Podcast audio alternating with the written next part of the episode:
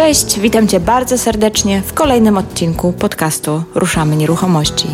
Ja się nazywam Marta Baczewska-Golik i na łamach tego podcastu pomagam osobom zainteresowanym tematyką nieruchomości zrozumieć pewne mechanizmy i prawa rządzące tym rynkiem. Jeżeli podobnie jak ja uważasz, że najlepiej zdobywać wiedzę od praktyków, a nie od teoretyków, to ten podcast jest dla Ciebie i mniej pewność, że wszystkie przeprowadzone tu wywiady są z ludźmi, którzy wiedzę zdobywali poprzez własne doświadczenie. O wprowadzaniu skali w biznesie mówi się coraz głośniej. Dzisiaj każdy startup marzy o tym, by swój produkt wyskalować i sprzedawać na całym świecie. Podobno business angels zdecydowanie mniej chętniej patrzą na projekty lokalne, takie, których nie można rozwinąć na dużą skalę.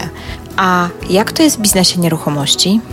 Na polskim rynku mamy bardzo wiele sieci franczyzowych, banków, restauracji, sklepów, placów zabaw, szkół językowych, jednak wcale nie aż tak dużo sieci biur nieruchomości. Zdecydowana większość biur to małe podmioty. Z czego to wynika? W czym tkwi wyzwanie z wprowadzeniem skali w biznesie agencji nieruchomości?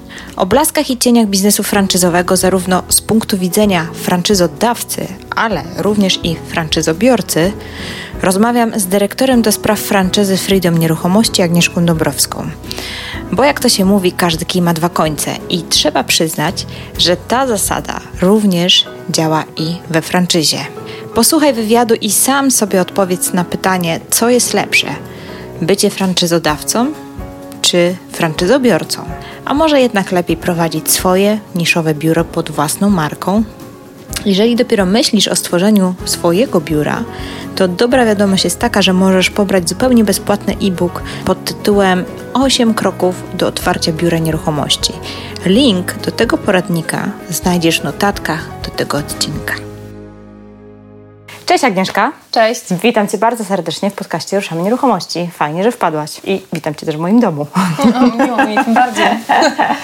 tak. Z Agnieszką poruszymy dzisiaj temat związany z wprowadzaniem skali w biznesie, jakim jest biuro nieruchomości i rozwój biur e, sieci, może sieci, tak, sieci franczyzowej, bo Agnieszka ma dosyć duże doświadczenie, zresztą mam nadzieję, że zaraz się przedstawisz i trochę opowiesz o swoim doświadczeniu. Cześć, nazywam się Agnieszka Dąbrowska. W branży nieruchomości jestem od 19 lat właśnie. Uświadomiłam sobie, że na początku maja ta rocznica minie. Wcześniej pracowałam w organizacjach zawodowych zrzeszających pośredników, w Warszawskim Stowarzyszeniu Pośredników, później po rocznej przerwie w Polskiej Federacji Rynku Nieruchomości, a od czterech lat zajmuję się rozwojem sieci franczyzowej Freedom Nieruchomości. Czyli całkiem sporo. 19 lat to sobie tak myślę, że naprawdę trudno jest znaleźć w ogóle pośrednika nieruchomości na naszym polskim rynku, który ma 19-letnie doświadczenie, aczkolwiek są na pewno tacy, tylko ciekawe, czy są jeszcze czynni zawodowo. Znam jeszcze kilka osób, które jest czynne zawodowo i, i prowadzi biura nieruchomości. Tak, bo tak mniej więcej 19 lat temu właśnie zaczęły być wydawane licencje, prawda? E, tak, jak przyszłam do stowarzyszenia, to właśnie była uroczystość nadania pierwszych licencji jeszcze w Urzędzie Mieszkalnictwa i Rozwoju Miast. Wow, ciekawe, kto ma numer jeden? E, Wiem, A? urzędnik akurat państwowy. A, no właśnie, no właśnie, ktoś musiał zacząć. Tak, ktoś tak. musiał zacząć. Aga, słuchaj, zanim rozwiniemy się z tą franczyzą, to być może są osoby, które tak gdzieś słyszały nazwę, coś wiedzą, że, czym, z czym to się je, ale tak do końca nie wiedzą. Jakbyś mogła wyjaśnić, czym tak naprawdę jest franczyza? Bo prawdopodobnie jest sporo osób, które, wiesz, na słowo franczyza myśli sobie McDonald's, nie? Tak. I, i to hasłowo tak mówiąc, -hmm. nie? A przecież e, system franczyzowy i modele franczyzowe sprawdziły się w wielu różnych innych branżach, -hmm. niekoniecznie w gastronomicznych. Więc jakbyś mogła tak wyjaśnić, co to w ogóle jest ta franczyza? W Polsce w ogóle jest 1200 systemów franczyzowych. Wow, różnych. to już sporo. Najwięcej oczywiście w gastronomii i w spożywczych sklepach. W branży nieruchomości jest około 12. Czym jest franczyza? Co to jest najszybciej, żeby powiedzieć i najbardziej zrozumiale? To jest po prostu system sprzedaży usługi lub produktu. E, mhm. Tak pokrótce, system spisany, e, udostępnione know-how, e, mhm. spisane czyjeś doświadczenie, system dokumentów, szkoleń, wdrożeń. Po prostu taki system, który ma w założeniu pomóc po pierwsze wejść szybciej do operacyjnej działalności, którą sobie wybierzemy i po drugie ma po prostu ją ułatwić. Czy ten system gwarantuje sukces? Nic nie gwarantuje sukcesu. Sukces to, za sukcesem muszą stać ludzie, którzy ten e, system będą wdrażać. Mhm. Na jednej z konferencji dotyczącej franczyzy usłyszałam, że najgorszymi franczyzobiorcami doświadczenia są osoby, które na przykład prowadziły biznes w danej branży i wchodzą pod franczyzę tej samej branży, dlatego że przychodzą po franczyzę po znak, ale działać chcą tak samo jak do tej pory. My oczywiście mamy o wiele lepsze doświadczenia w tym zakresie, bo faktycznie tam mamy osoby, które wcześniej pracowały w branży nieruchomości, wyprowadziły biura nieruchomości, ale miały cel i świadomość, po co wchodzą do, do Freedom. Mhm. Czyli sugerujesz, że osoby, które są z jednej branży i potem otwierają biznes w tej samej branży, ale pod jakąś marką franczyzową, tak. niekoniecznie im się to mm, udaje zrobić?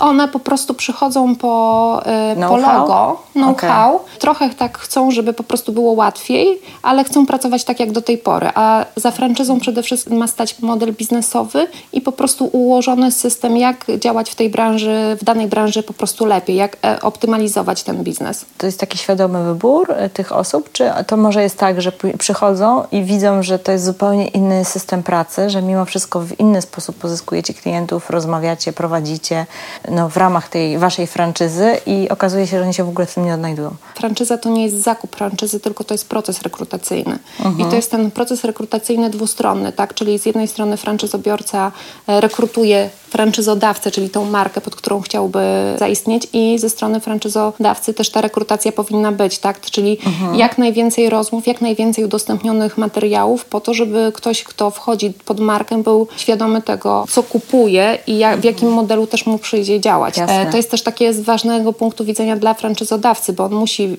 y, mieć odpowiedzialnego partnera, ponieważ też zabezpiecza tym y, interes innych partnerów, którzy już w tej sieci pod marką y, działają. Rozumiem.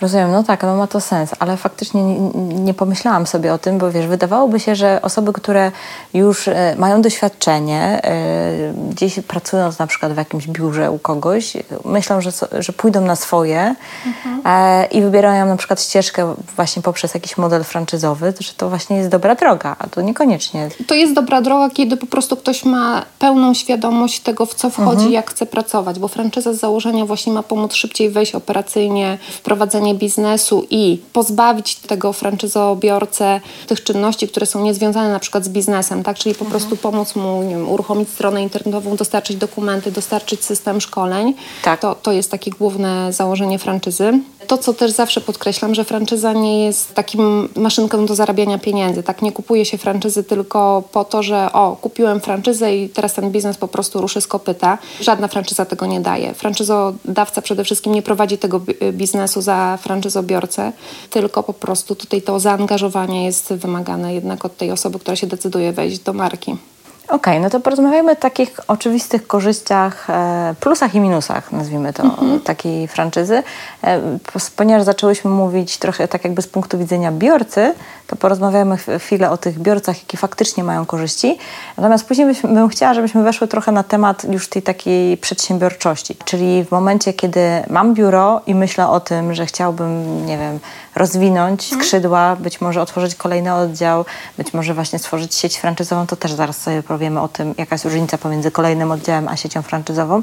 Pomówmy jeszcze o tym, dlaczego w ogóle ludzie decydują się na zakup franczyzy. Jeżeli, zwłaszcza jeżeli mają jakieś tam doświadczenie, na przykład mhm. już załóżmy w tej branży, w której chcą tą franczyzę mhm. wykupić, co sprawia takiego, że faktycznie bardziej im się opłaca wejść, albo jakie mają korzyści, że bardziej im się opłaca wejść mhm. do tej franczy sieci franczyzowej pod konkretne logo niż kreować swoją własną markę. Mhm. Wbrew pozorom korzyści mogą być dwie. Wbrew pozorom jeśli chodzi o koszty, bo czasami po prostu ktoś myśli, że franczyza to są tylko koszty i niepotrzebnie, mhm. nie, nie, nie, nie, warto po prostu wchodzić w sieć, dlatego że, że trzeba płacić. Dlatego warto, to co zawsze warto jest sprawdzić przede wszystkim, co franczyzodawca daje tak, mhm. takiemu biorcy.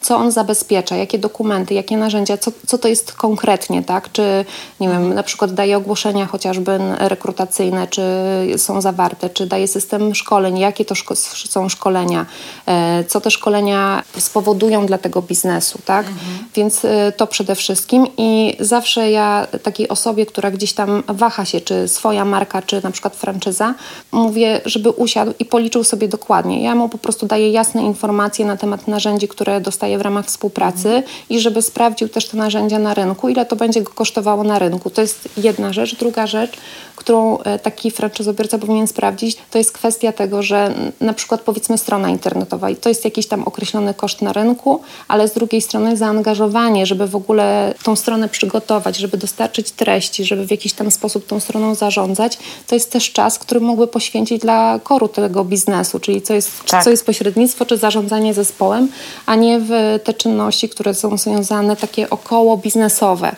Tak? I to, y, to jest po stronie e, takiej A to zajmuje dużo czasu. Tak. Bardzo dużo czasu. I teraz pytanie, co jest cenniejsze? Okej. Okay. Czasu to... i kompetencji, których tak naprawdę no, nie wszyscy muszą też mieć. Tak? To prawda.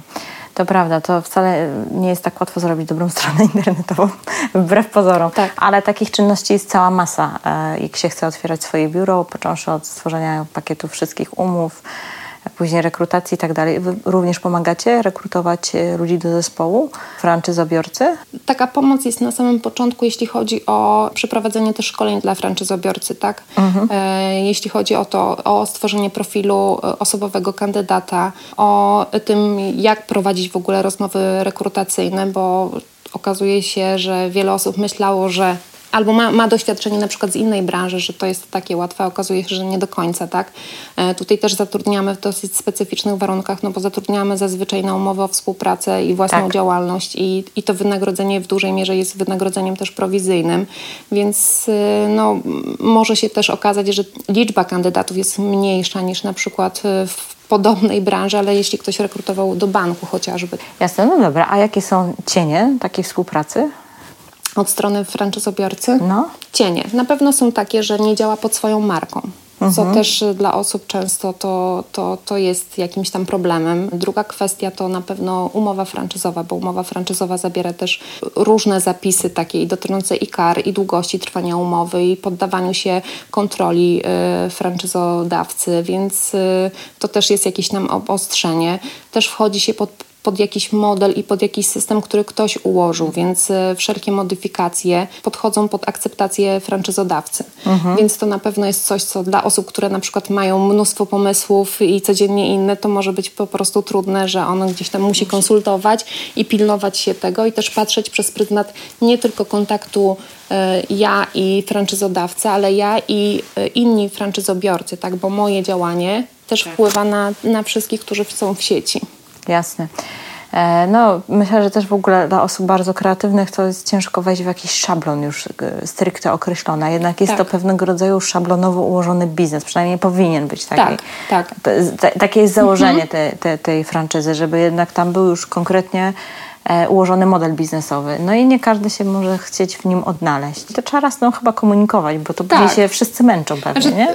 Franczyza to też jest takim że go nazwę ja jako osoba, która rekrutuje produktem, to nie jest coś takiego, że ja po prostu mogę sprzedać franczyzę i sprzedać licencję, bo u nas podpisanie umowy franczyzowej, zresztą jak w, w każdym innym biznesie, to jest początek współpracy.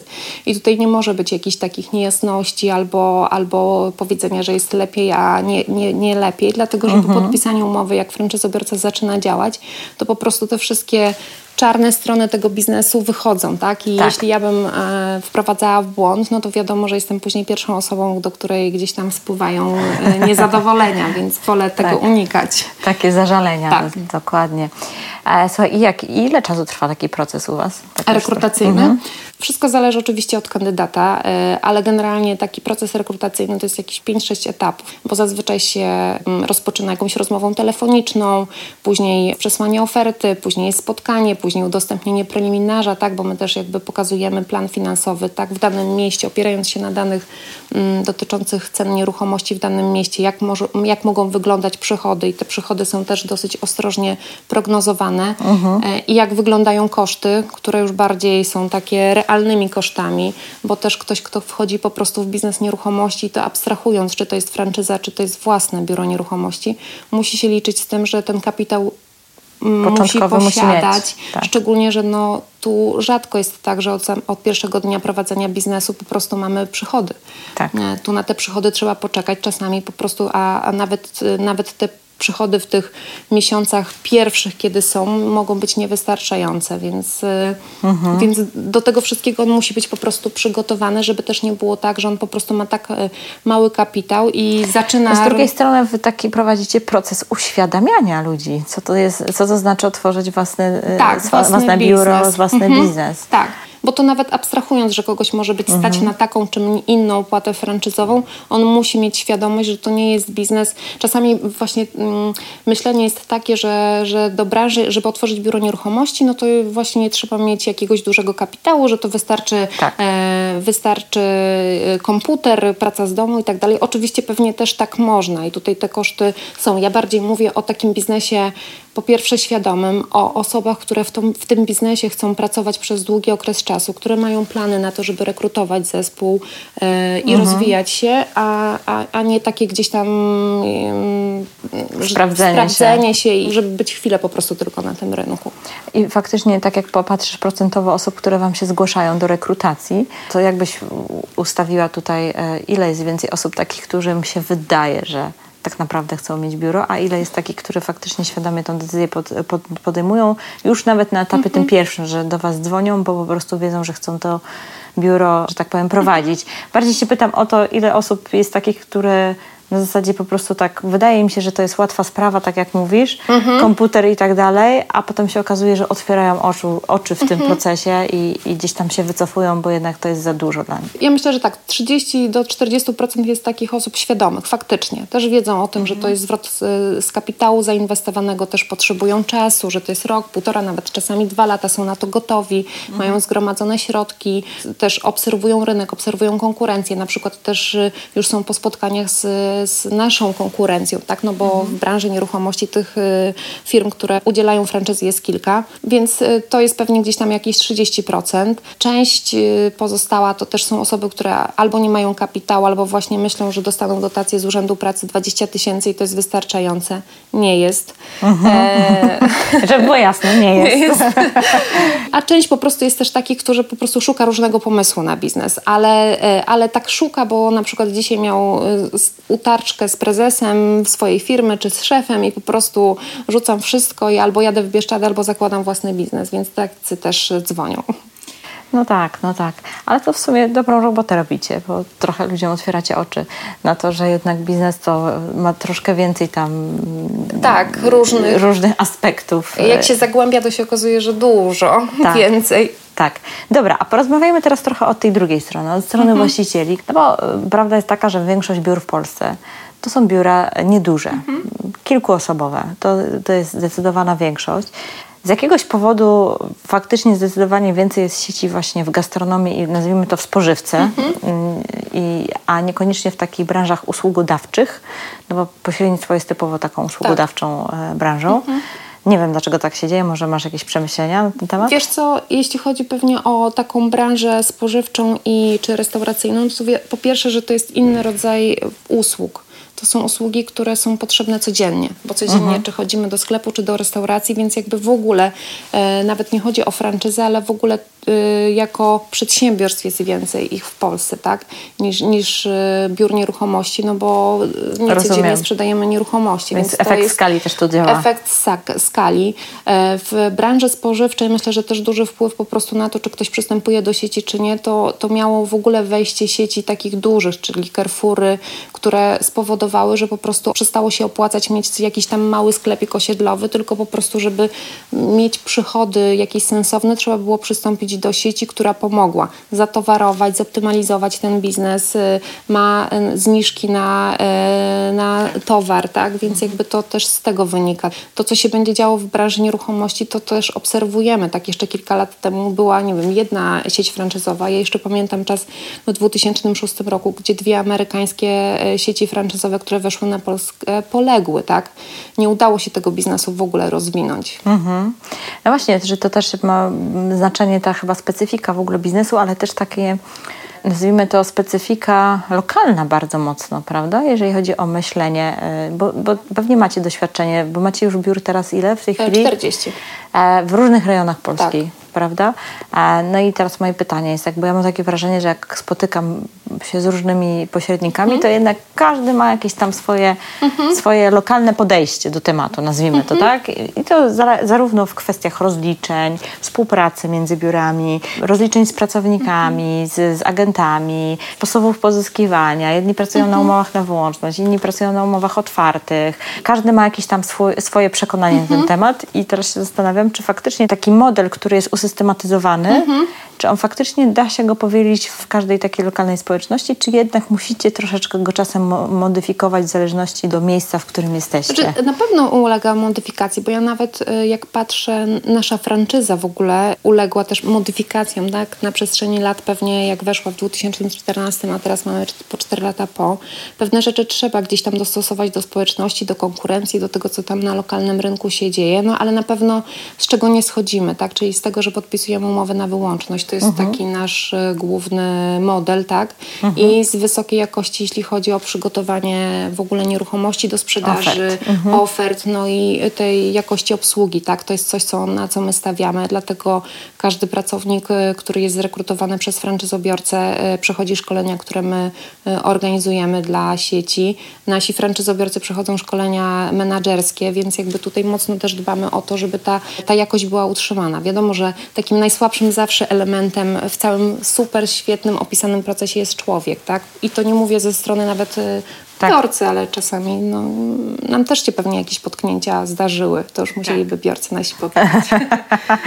no nie będziemy przepytywać wszystkich, ale, ale bardziej pytam właśnie, czy, czy, czy były jakieś takie elementy, które ewidentnie, nie wiem, działają w trzech miastach, a w tym czwartym no po prostu nie działa.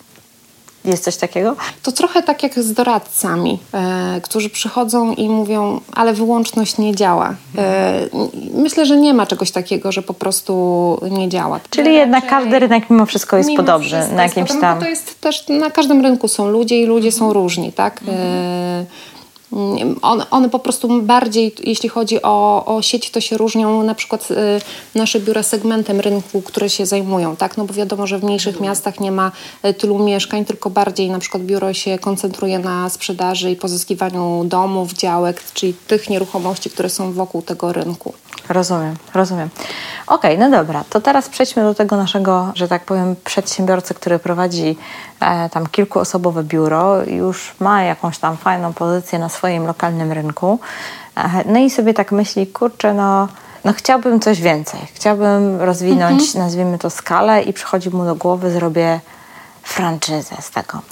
I teraz pytanie jest moje takie – jak się w ogóle za tego zabrać i co trzeba w ogóle sobie rozważyć w głowie, mm -hmm. bo mhm. tak jak mówię, opowiedziałaś fajnie o tym procesie rekrutacyjnym, że taki potencjalny kandydat przychodzi ileś tam etapów, więc on, jeżeli tak naprawdę nie ma tej gotowości jeszcze swojej tak. w, w, sobie, to po prostu gdzieś tam na, na, mm -hmm. na, mhm. w tym procesie sobie to uświadamia, otwiera Albo szeroko my też, oczy. my też mamy prawo do uświadomienia sobie, że być może to nie jest dobry kierunek dla niego, tak? Tak, że, że może to jeszcze nie jest ten czas mm -hmm. i być może e, jak przychodzi komuś taki pomysł do głowy, że zrobię franczyzę, franczyzę, to prawdopodobnie nie mając tego doświadczenia też nie wie, że, mhm. co tam się kryje za tymi drzwiami, bo zawsze się za każdymi drzwiami tak. kryje jakieś kolejne wnętrze no. i kolejne. I właśnie e, chcę się o to zapytać, że jak komuś przychodzi taki pomysł do głowy, z czym się będzie musiał zmierzyć przynajmniej na samym Na samym początku. Znaczy, wstępie. Znaczy, ja myślę, że na początek sobie powinien odpowiedzieć na pytanie, po Oczywiście co to, to robi. To, to, nie jest tak, że ja chcę zniechęcić tutaj Nie, nie, ja nie, też nie. Tylko, tylko mhm. chodzi o to, że mam wrażenie, że czasami przychodzą na pomysły mhm. do głowy, a po prostu nie mamy świadomości, z czym tak, to się je tak naprawdę. Je. Mhm. Tak jak mówię, na początek powinien sobie zadać pytanie, po co chcę to zrobić, dlatego że gdzieś tam obserwując, mam wrażenie, że właśnie franczyza jest postrzegana jako właśnie te opłaty, tylko z tymi opłatami i, i taki franczyzodawca to tylko zbiera opłaty i, i, i się cieszy, tak? I to jest dla niego po prostu super biznes. E, więc na początek zawsze warto zadać sobie pytanie, po co? Po druga kwestia, którą na pewno trzeba zbadać, to jaka jest konkurencja e, wśród e, też sieci franczyzowych, jaka jest mhm. konkurencja na rynku, gdzie chciałbym na przykład ten, tą franczyzę rozwijać, bo to też nie musi być tak, że musi być franczyza ogólnopolska. Może być tak, że ktoś się skoncentruje na tym, że otworzy biura nieruchomości w danym rejonie, w danym województwie, ileś tam, tak? tak? To nie musi być tak, że ktoś ma po prostu od razu pomysł na to, żeby to było 100 biur, może być 5, 6.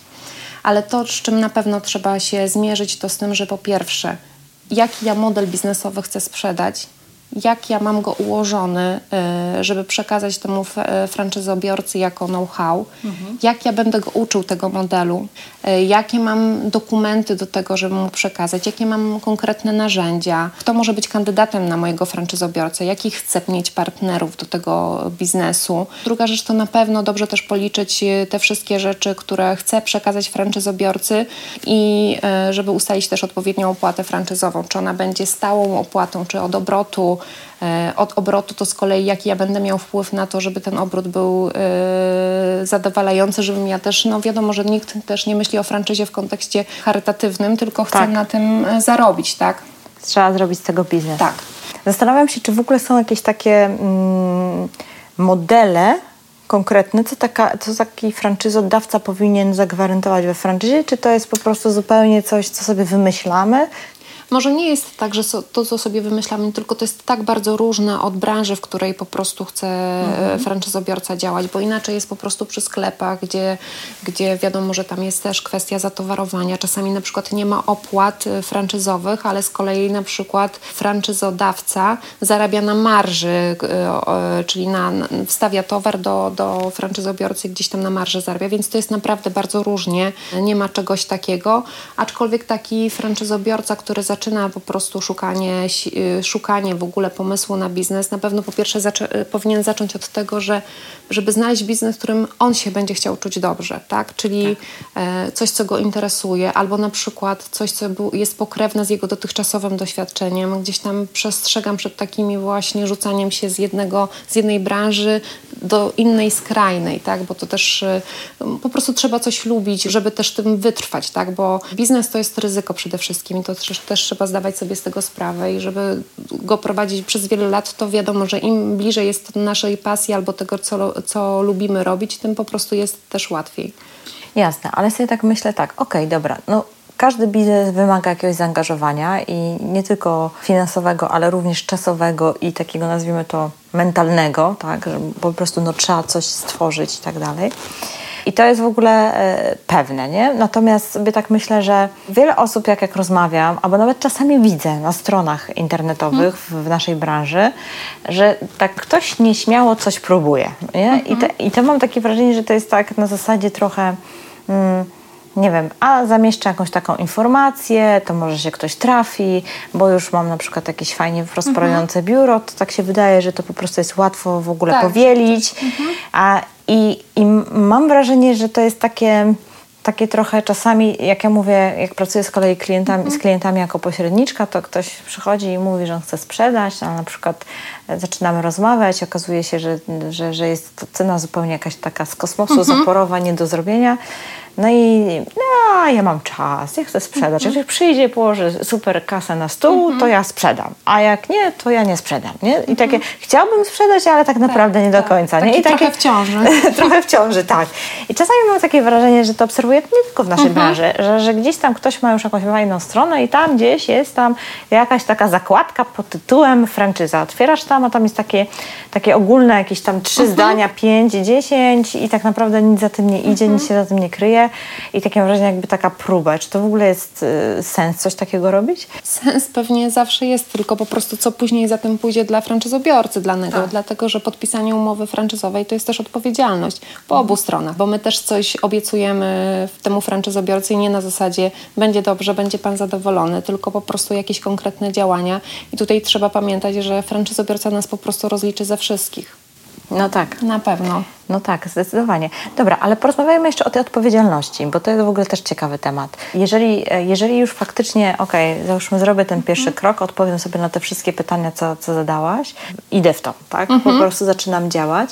To co z tą właśnie odpowiedzialnością? Bo ja sobie tak myślę, że jeżeli faktycznie komuś sprzedaję jakiś model biznesowy, mhm. który być może nie jest jeszcze do końca super funkcjonujący i ktoś mi za to zapłaci, no to jakoś tak bym, wiesz, no to jest... Tak, to jest nie, to, to, to, co powiedziałam, tak, czyli ta umowa franczyzowa dopiero zaczyna obowiązywać od momentu jej podpisania i, mhm. i, i później gdzieś tam te reperkusje na pewno będą prędzej czy później. Okej, okay, dobra. A teraz o tych takich, bo oczywiście, tak jak powiedziałyśmy, że fajnie się rozmawia w kontekście, fajnie się myśli w kontekście franczyzy, że będę miał sieć biur, mhm. że będę pobierać fajne z tego tytułu profity czerpać. A, no już nieważne, jak one będą tak, zorganizowane, tak, tak. czy od obrotu, mhm. czy po prostu to będzie stała opłata. Natomiast co jest tą ciemną stroną mocy, nazwijmy to, tak? Co w takiej franczyzie jest, e, wiesz, jak, jeżeli jesteś franczyzodawcą, mhm. to z czym, z jakimi takimi największymi wyzwaniami e, zazwyczaj się mierzycie właśnie u siebie w sieci, a co jest takie właśnie trudne, czego w ogóle być może na początku nawet nie przewidywaliście, że to będzie stanowić problem, a potem Tadam, mhm. jest, nie? I trzeba sobie z tym radzić. Jak, mhm. co, co, to, co to są te takie właśnie, wiesz... Y, Ciemne strony. Tak, tak, całego A. tego biznesu. To też jest ta kwestia taka, że my też na co dzień obserwujemy, jak ktoś sobie z tym biznesem radzi, tak? Na ile po prostu po to, co przyszedł, nawet jak dostał, na ile też to wdraża, tak? No bo my za kogoś tego biznesu nie poprowadzimy i, tak. e, i, i zdajemy sobie sprawę, że może być ciężko, że, że nie wiem, że ktoś zbudował zespół, nagle mu ten zespół e, odszedł albo, albo założył konkurencyjne biura, więc to są takie rzeczy, które gdzieś tam, z którymi my się mhm. zmagamy i, e, i też te emocje franczyzobiorcy mm, do nas trafiają. Mm, ale nie, myślę, że nie masz takich sytuacji skrajnych, co mogłabym tak powiedzieć, tak, z tym jest ciężko. Po prostu tak jak wszystko, franczyza to też jest projekt, nad którym trzeba pracować, nad który trzeba rozwijać. Jak już ta liczba biur jest też duża, to też y, są różnego rodzaju pomysły, które, które do nas trafiają i to jest w ogóle świetne. Mhm. Z drugiej strony też są takie oczekiwania, że na już, tak, żeby tak, coś zostało wdrożone, a z drugiej strony my też musimy brać odpowiedzialność za tych wszystkich, którzy już w tej sieci są i no już jesteśmy trochę taką, takim kołem sporym, że jakiekolwiek wprowadzenie zmian, my też musimy rozpatrywać, y, czy to jest dobre, czy wszędzie, czy u wszystkich, czy pilotaż, mhm. w jaki sposób pilotaż. My też się staramy mocno jakby to, co to, co jest też przewagą przy franczyzie, to to, że na przykład my prowadzimy własne oddziały biur nieruchomości. Więc Czyli my... jakieś pilotaże możecie u siebie tak, robić. Tak, i tak robimy, bo z drugiej mhm. strony franczyzobiorca przychodzi po know-how sprawdzone i doświadczenie. No tak. I wiadomo, że są pewne rzeczy, które szybciej musimy doś to, to, to, doświadczenie zdobywać i przekazywać i gdzieś tam informujemy na przykład o tym, że my to sprawdziliśmy w naszym oddziale w takim i takim okresie czasu, to wiemy, że jeszcze wymaga jakiegoś tam e, mhm. dłuższego procesu, ale ktoś może z tą świadomością świadomością już sobie to przyjąć tak do siebie i, i wdrożyć. A powiedz mi, czy przy efekcie już takiej skali, kiedy macie już tam kilkadziesiąt tych biur, no to pewnie zdarzają się jakieś wtopy, że gdzieś tam ktoś coś no, nie do końca prowadzi mhm. zgodnie z tym, co e, na co się umawialiście, albo no, wdraża to, ale coś nie wychodzi, mhm.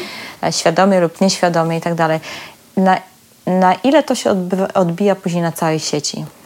Czy to nie są takie, że, bo wiesz, no, ludzie są mhm. różni, tak jak rozmawiamy, to pewnych rzeczy ty nie zrobisz dla tego franczyzobiorcy, tak? Mhm. E, oczywiście dajesz mu narzędzia, ale czy on je wdroży, jak je wdroży, no to trochę zależy od mhm. niego, prawda? I tak sobie myślę, że że tak sobie wyobrażam, że teraz na przykład jak wchodzę do McDonalda już wspomnianego i raptownie, nie wiem, proszę o frytki, a dostaję jakieś po prostu, tak. nie wiem, e, źle obrane mhm. ziemniaki i w ogóle to nie ma związku ze smakiem frytek McDonaldowych, no to się dziwię, nie?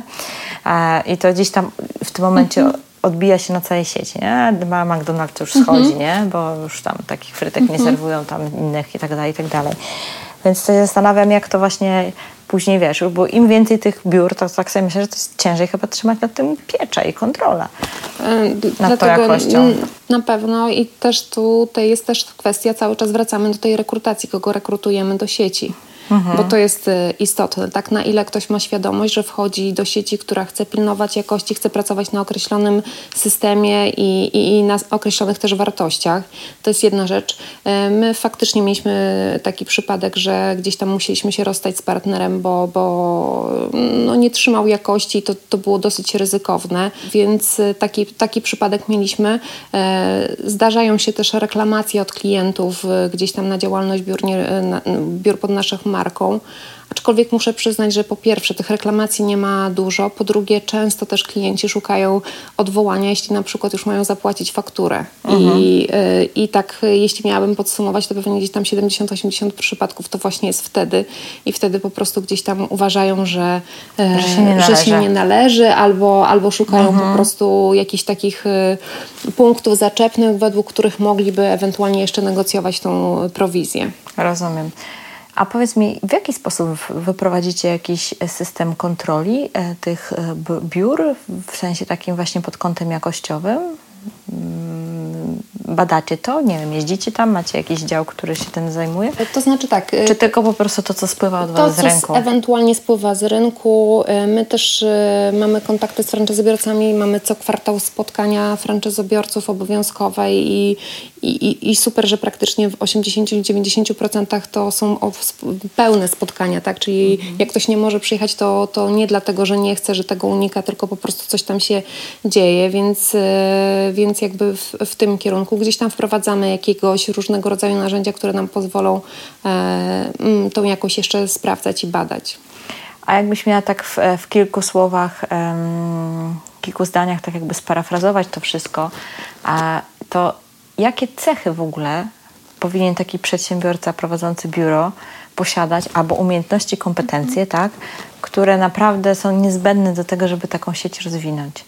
E, że bez tego będzie ciężko. Żeby biuro, żeby, żeby tak, biuro jakby chciał na przykład mhm. prowadzić kolejne, kolejną, znaczy mhm. swoją sieć wprowadzać, nie? Mhm. Pytam się teraz o właściciela, który ma, e, bo rozmawiamy mhm. o tych przedsiębiorcach, który ma swoje biuro, fajnie funkcjonuje i przyszła mu mhm. myśl, że chce otworzyć kolejne biuro i być może to jest fajny pomysł, żeby stworzyć własną sieć franczyzową i rozmawiamy tutaj o rzeczach, które, o których może na przykład nie zdawać sobie sprawy na początku, mhm. a o których warto pomyśleć i sobie przemyśleć, zanim się podejmie taką decyzję.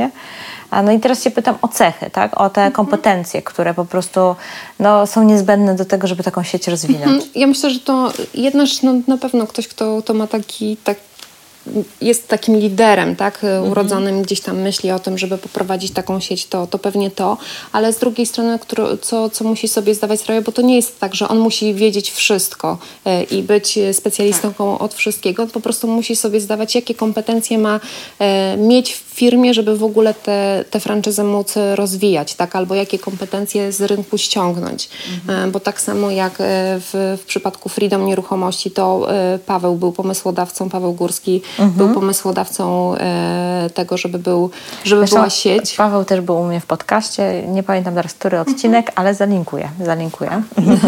e, właśnie, więc e, Paweł jak, e, jak zdecydował o tym, że chce uruchomić sieć, to ściągnął Łukasza Kruszewskiego, który zajmuje się marketingiem e, i, i myślę, że jest taką osobą, która jest znana na rynku. Nie trzeba go tutaj specjalnie reklamować i przedstawiać. I też e, później z zespołu doradców wyłonił Pawła Sopucińskiego, który jest trenerem teraz sieci, więc jakby tutaj też jest kwestia takiego ułożenia, kto czym się, się zajmuje. Ja też dołączyłam do zespołu Freedom w 2014 roku i zajęłam się rekrutacją, więc jakby to mhm. jest kwestia tego, żeby sobie uświadomić, co ja muszę mieć, czyli trenera, marketing, e, osobę, która będzie zajmowała się rekrutacją, też będzie taka do kontaktu z, z franczyzobiorcami. No i teraz taka najważniejsza puenta.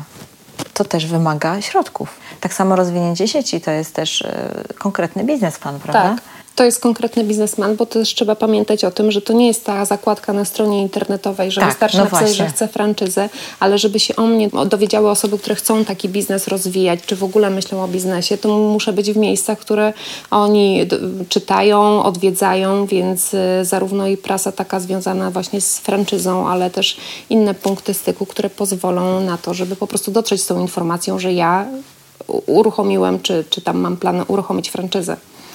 Czyli wracając do punktu, wracamy do punktu wyjścia. Po pierwsze, musisz zdawać sobie sprawę, że biznes wiąże się z ryzykiem takim, że jednak zainwestuje środki, zainwestuje swój czas, być może zatrudni jakichś ludzi, którzy mają kompetencje, a niekoniecznie na przykład się uda to sprzedać w takiej ilości, jakbyśmy chcieli, tych biur i nowych oddziałów tak. e, e, wziąć. Ale z drugiej mhm. strony, jeżeli z kolei się zdecyduje na bycie w jakiejś franczyzie, to też to jest ryzyko, bo sama franczyza nie gwarantuje sukcesu, bo jednak pracę ja muszę wykonać tak. i to biuro i ten zespół zbudować samodzielnie własnymi rękami, rękami lub kogoś zatrudnić, co oznacza, że muszę mu zapłacić, więc muszę mieć mhm. środki, tak?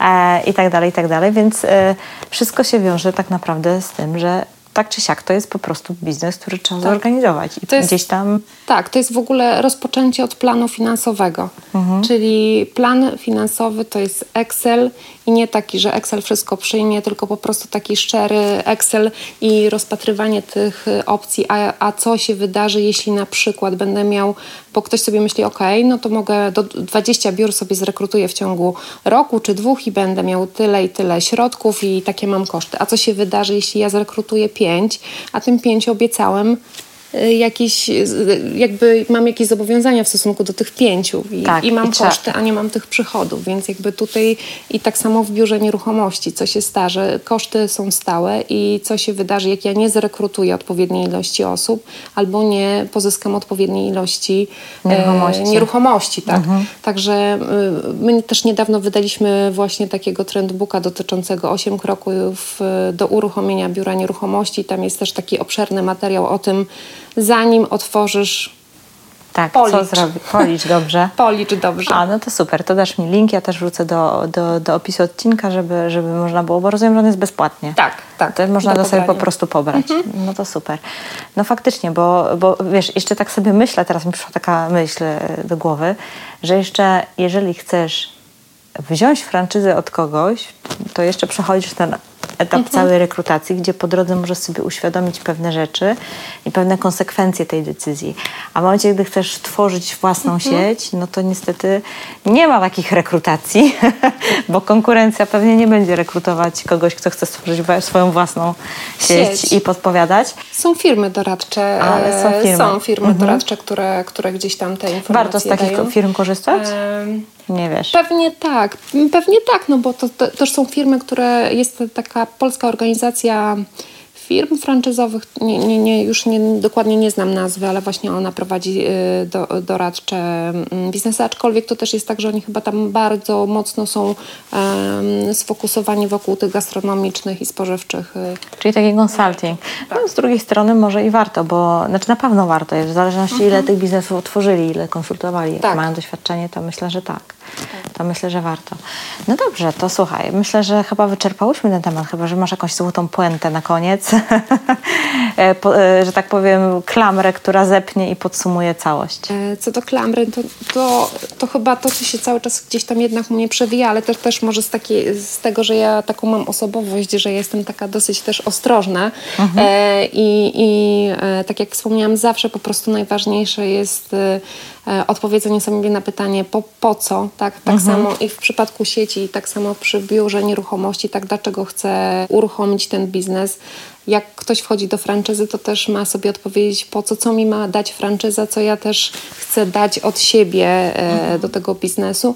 No i, i, liczyć. I liczyć, liczyć, liczyć, przeliczać, sprawdzać, sprawdzać, czym mnie stać, e, myśleć o tych e, ciemniejszych, ciemniejszych scenariuszach niż o tym hur, e, hura optymizmie, bo może być różnie. Mhm.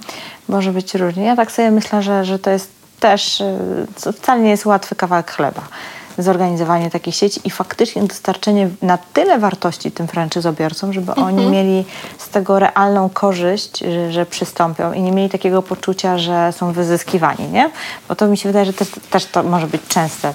Ale to takich... jest też w kontekście nieraz e, tego, że na przykład e, ktoś wchodzi do franczyzy i ma sporo narzędzi do tego, żeby budować zespół i tego zespołu później nie buduje. I on może mieć poczucie, że tą opłatę, którą płaci, e, jest zbyt wysoka, bo on sam e, musi, e, sam generuje tylko przychody, a z drugiej strony nie wykorzystuje tych narzędzi, które mu daje franczyza. I wtedy ma poczucie, nic mi franczyza nie daje, a ja muszę płacić, tak? Albo nie wiem, niewiele mi daje, a ja muszę płacić. Więc jakby też musi sobie odpowiedzieć na pytanie, z jakich narzędzi korzysta i, i, i gdzieś tam ten patrzeć przez pryzmat też skali, tak?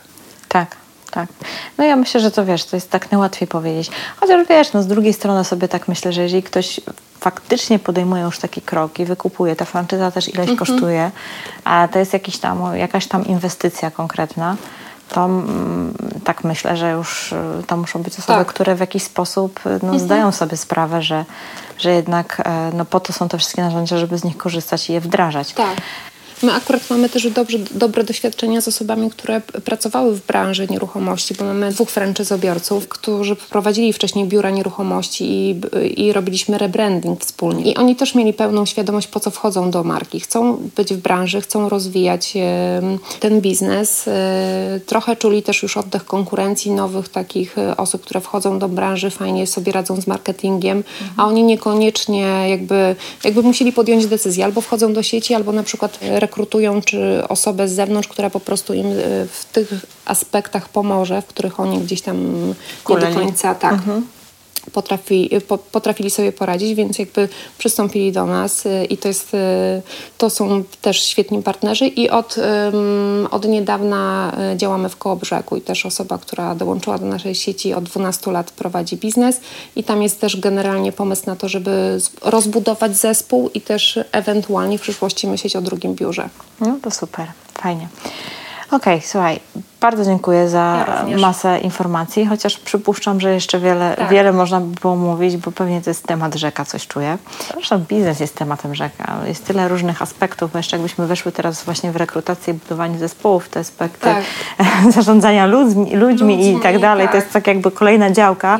I też tak sobie myślę, że jednak mimo wszystko jest troszeczkę inaczej w momencie, gdy podejmuję decyzję, że przystępuję do jakiejś sieci, ponoszę tą opłatę. Jeszcze tak w kontekście to mówię mm. tych wdrożeń, mm, narzędzi, które dajecie w ramach szkoleń i, i w ramach waszej franczyzy, niż na przykład e, to, co jest powszechnie e, takie e, dosyć znane na rynku, mhm.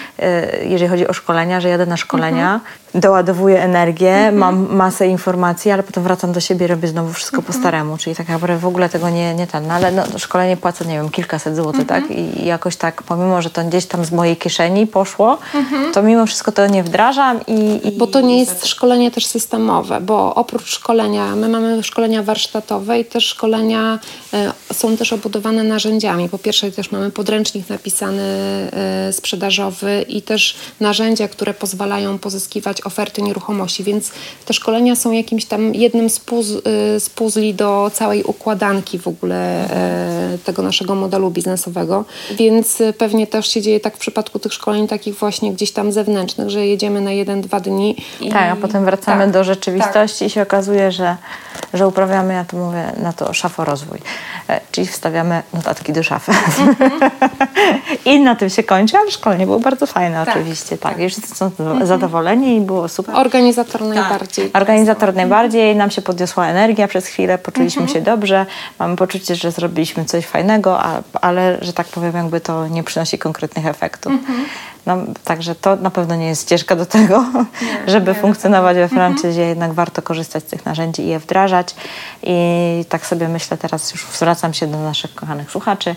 Jeżeli zdecydujesz się niezależnie, czy pójść drogę i wykupić franczyzę, czy być może ze swojego własnego biznesu zrobić franczyzę, e, to po prostu wdrażaj to, co sobie wymyślisz i nawet jeżeli skorzystasz z jakichś firm doradczych, konsultingowych, to, to też warto to wprowadzić i, i, po prostu tak, i działać ze mhm. swoją, że tak powiem, strategią.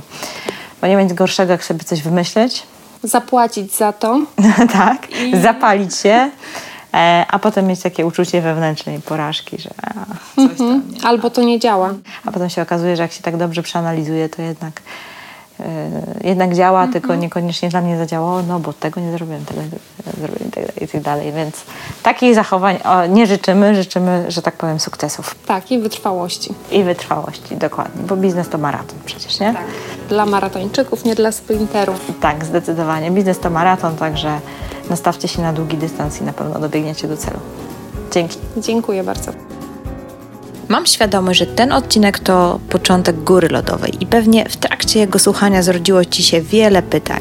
Mam też nadzieję, że jeżeli myślisz o stworzeniu własnej franczyzy lub skorzystanie z gotowego już modelu biznesu, to dzięki tej rozmowie masz teraz większą świadomość, z czym się w ogóle je taki biznes. Zarówno podjęcie decyzji o tworzeniu własnej sieci, jak i o zakupie franczyzy dla siebie wiąże się z ogromną odpowiedzialnością, bo w sieci nie jest się samotnym miejscem, co ma oczywiście swoje plusy, ale też i swoje minusy. Bycie w sieci to współodpowiedzialność za zdecydowanie większą całość. Jestem ciekawa Waszych opinii na ten temat. Czy rozważaliście przystąpienie do sieci, a może próbujecie ją tworzyć i rozwijać na własną rękę? Koniecznie dajcie mi znać, jak działacie w swoim biznesie. Agnieszka też chętnie odpowie na Wasze pytania, dlatego śmiało komentujcie na moim blogu lub na profilu Ruszamy Nieruchomości na Facebooku. Przypominam jeszcze, że w notatkach do odcinka jest link link do pobrania bezpłatnego e-booka pod tytułem 8 kroków do otwarcia biura nieruchomości. A tymczasem standardowa prośba. Jeżeli uważasz, że ten odcinek może kogoś zainteresować z Twoich znajomych, to podziel się nim proszę. Prześlij do znajomego, a mi zostaw miły komentarz w serwisie iTunes lub w innym miejscu, gdzie mnie słuchasz. Wielkie dzięki i do usłyszenia niebawem.